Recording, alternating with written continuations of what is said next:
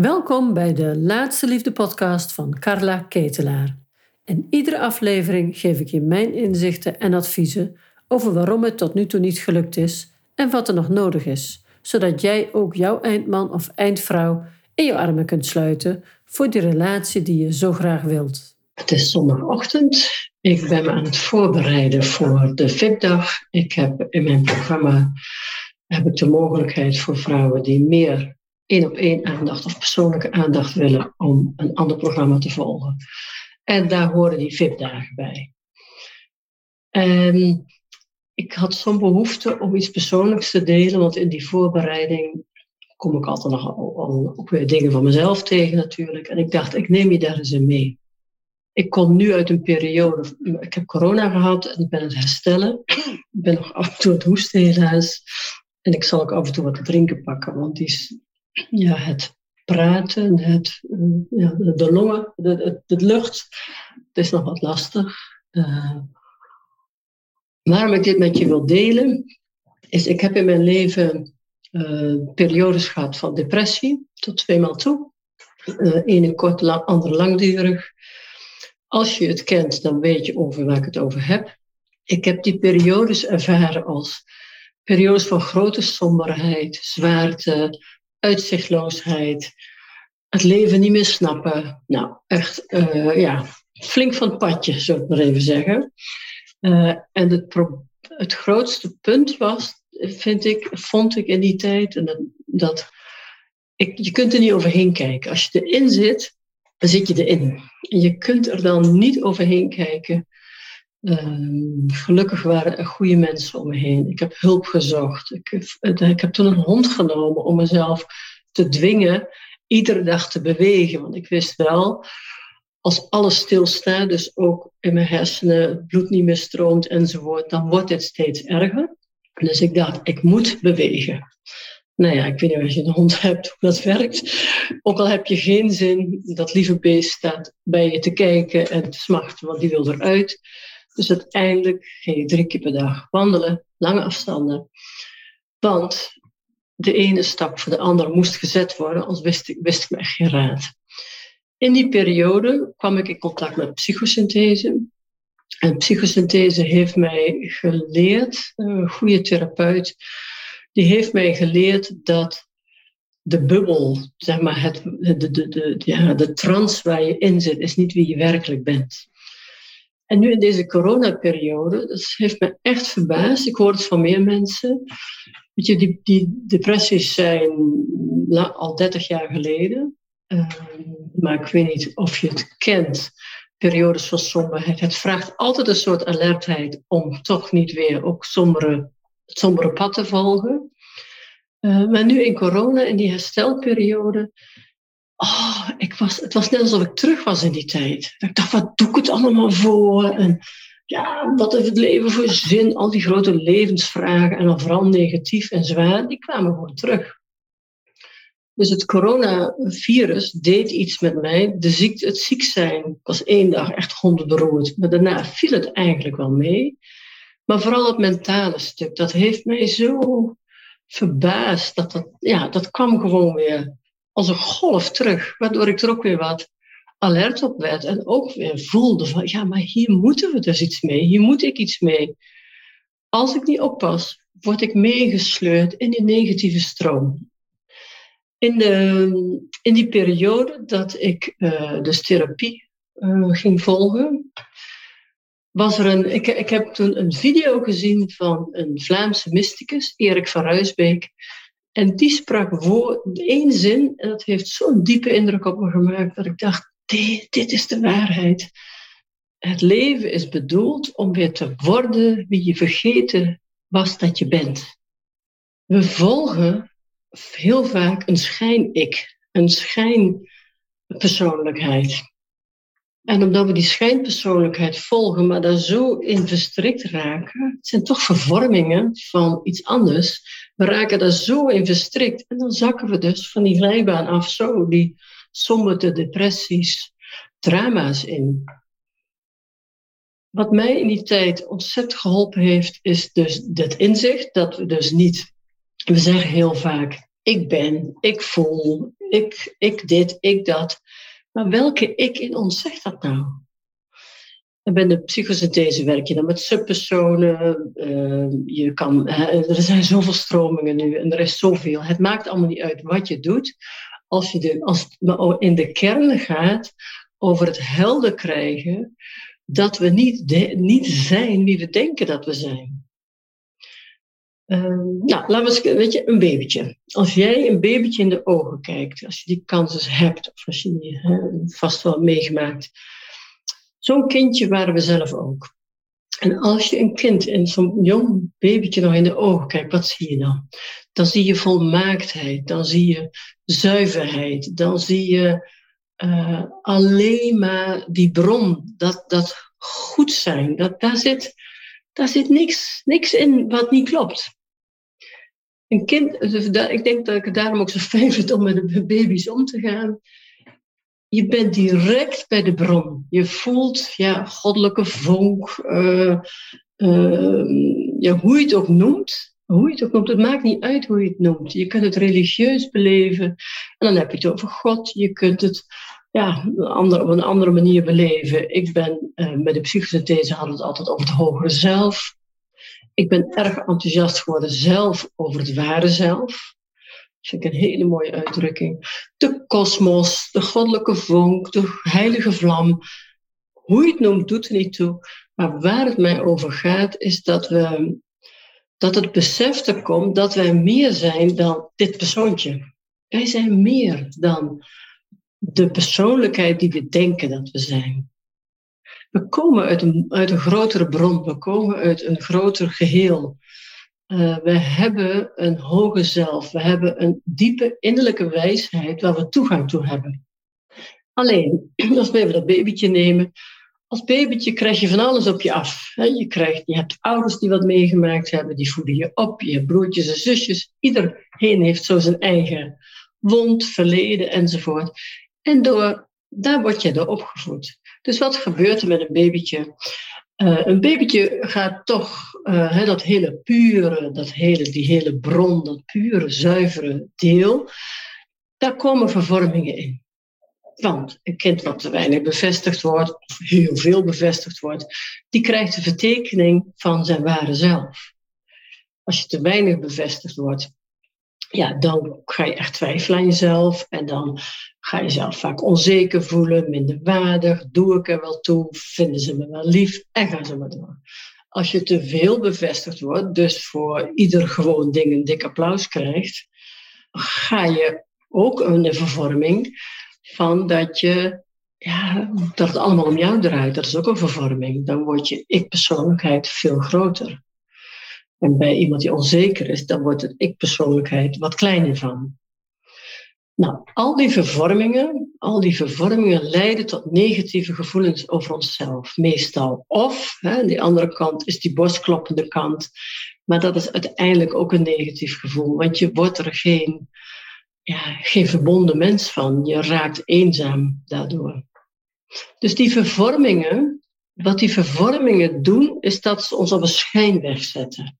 Ik ben jaren eigenaar geweest van, uh, van, van een paar fitnesscentra. Ik was helemaal die directeur. Ik had heel veel mensen in dienst en ik speelde die rol. Ik was moeder en directeur van, dat van die fitnesscentra. En ik zat helemaal in die rol. Ik was eigenlijk alleen maar moeder of directeur.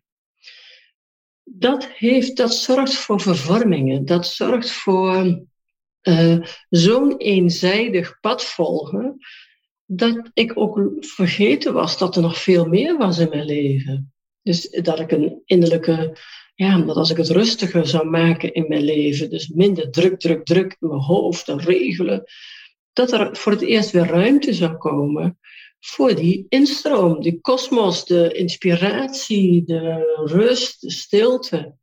We hebben stilte nodig om ons hogere zelf, om ons ware zelf te kunnen voelen. Om daar contact mee te kunnen maken. Als wij geen stilte, geen rust inbouwen, iedere dag een moment, raken we langzamerhand los van dat, ja, van die bron, van die instroom waar we toegang toe hebben. En als we die vervormingen gaan leven, als we de schijn-ikken gaan leven, strijden we in ons leven. Voelen we ons rot? Hebben we, of we hebben een soort geluk waarvan we denken, is dit het nou? Is dit nou alles? Er is altijd een soort van zoeken onvrede als we die bron negeren. Als we het besef losgelaten hebben. En dat doen we bijna altijd als mens op ons pad in het groter worden. Dus als babytje ben je nog puur bij die bron, zuiverheid, complete volmaaktheid. Dat is wat een kind is die net geboren wordt. Die komt zo, boem, uit de kosmos, uit de heilige wereld, komt die op aarde. En dat is open en kwetsbaar. En dan worden we groter en dan maken we van alles mee. En komen die vervormingen in ons leven. En dat is geen drama. Dit is ook wat we te doen hebben op de, op de aarde, denk ik. Is dat we dus zeg maar puur komen. Dan wordt er van alles gebeurd er. En onze weg is ook weer terug naar die puurheid. Dus ik vind het een mooie ontwikkeling. Je ziet ook tussen geboorte en 40, zo die leeftijd over, is het heel erg, uh, heel erg werken aan die persoonlijkheid, ambitie, kinderen krijgen. Uh, we zijn dan heel erg bezig om onszelf te manifesteren. En vaak zo rond tussen 40 en 50 komt de vraag: is dit het? Zou er nog meer zijn? En heel vaak lopen we dan het pad weer terug van, om die persoonlijkheid weer langzaam wat losser te laten en weer te worden wie we ook werkelijk eigenlijk in oorsprong waren. Dus het is een mooie pad. In die zin hoeven kinderen ook helemaal niet hier al heel druk mee te zijn. Wees gewoon zelf als volwassene zo bewust mogelijk dat je weet, je bent niet dat onzekere kind. Nee, dat, dat, dat, dat zijn we gaan geloven. Zo hebben we allemaal imprintingen meegekregen van vroeger thuis. Hè? Ieder gezin had zijn eigen cultuur. En in die cultuur ontstaan vervormingen, want ouders hebben ook al hun eigen vervormingen. Uh, ik kom bijvoorbeeld uit een gezin waarin hard werken de norm was zit je weer te niksen. Mijn vader werkte altijd 11 uur s'avonds, bonnen schrijven. Mijn moeder was altijd aan het werk. Dus mijn imprinting is geworden, als je niet werkt, doe je iets fout. Nou, je snapt wel waar ik tegenaan loop. Ik ben een workaholic niet meer, maar het is wel mijn valkuil om heel veel te werken, omdat ik het ook leuk vind. Ik geniet er ook van, maar ik werk gewoon vaak te veel. Dat gebeurt mij als ik het contact met mijn bron loslaat als ik het contact met mijn hogere zelf, mijn ware zelf, niet meer kan voelen. En dat is natuurlijk omdat ik te hard werk. Dus dat is, in de coronatijd heb ik het weer heel strikt opgepakt. Iedere ochtend weer beginnen met mediteren. Half uurtje. En ik ga dan daarna eerst even het bos in. Ik, moet dan, eh, ik had ook zo'n raar excuus. Dan moet ik eerst op de fiets. Dan moet ik dit. Dan ik een kwartier onderweg. Dan allemaal smoesjes ik heb de auto voor de deur. Ik dacht, weet je, dan ga ik gewoon vijf minuten met de auto naar het bos. Als dat mij nu het beste doet, doe ik dat gewoon. Nou, dat beslissing heb ik genomen. Vanaf dat ik ziek ben geworden, ben ik dat gaan doen.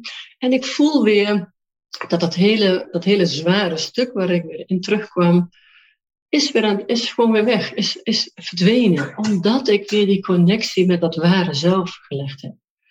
Met mijn hogere zelf. Dat waar ik niet hard hoef te werken. Als ik het harde werken los kan laten, is er ruimte voor creativiteit. Is er ruimte voor, ja, voor nieuwe ideeën. Hè, want nou, dit, hè, uh, iets opnemen, was voor mij, is voor mij al het beste ding. Denk, ah ja, moet ik, uh, moet goed, iets goeds bedenken. Ik moet goed, altijd, moet altijd goed, hè, dat snap je wel. Moet altijd beliefd perfect.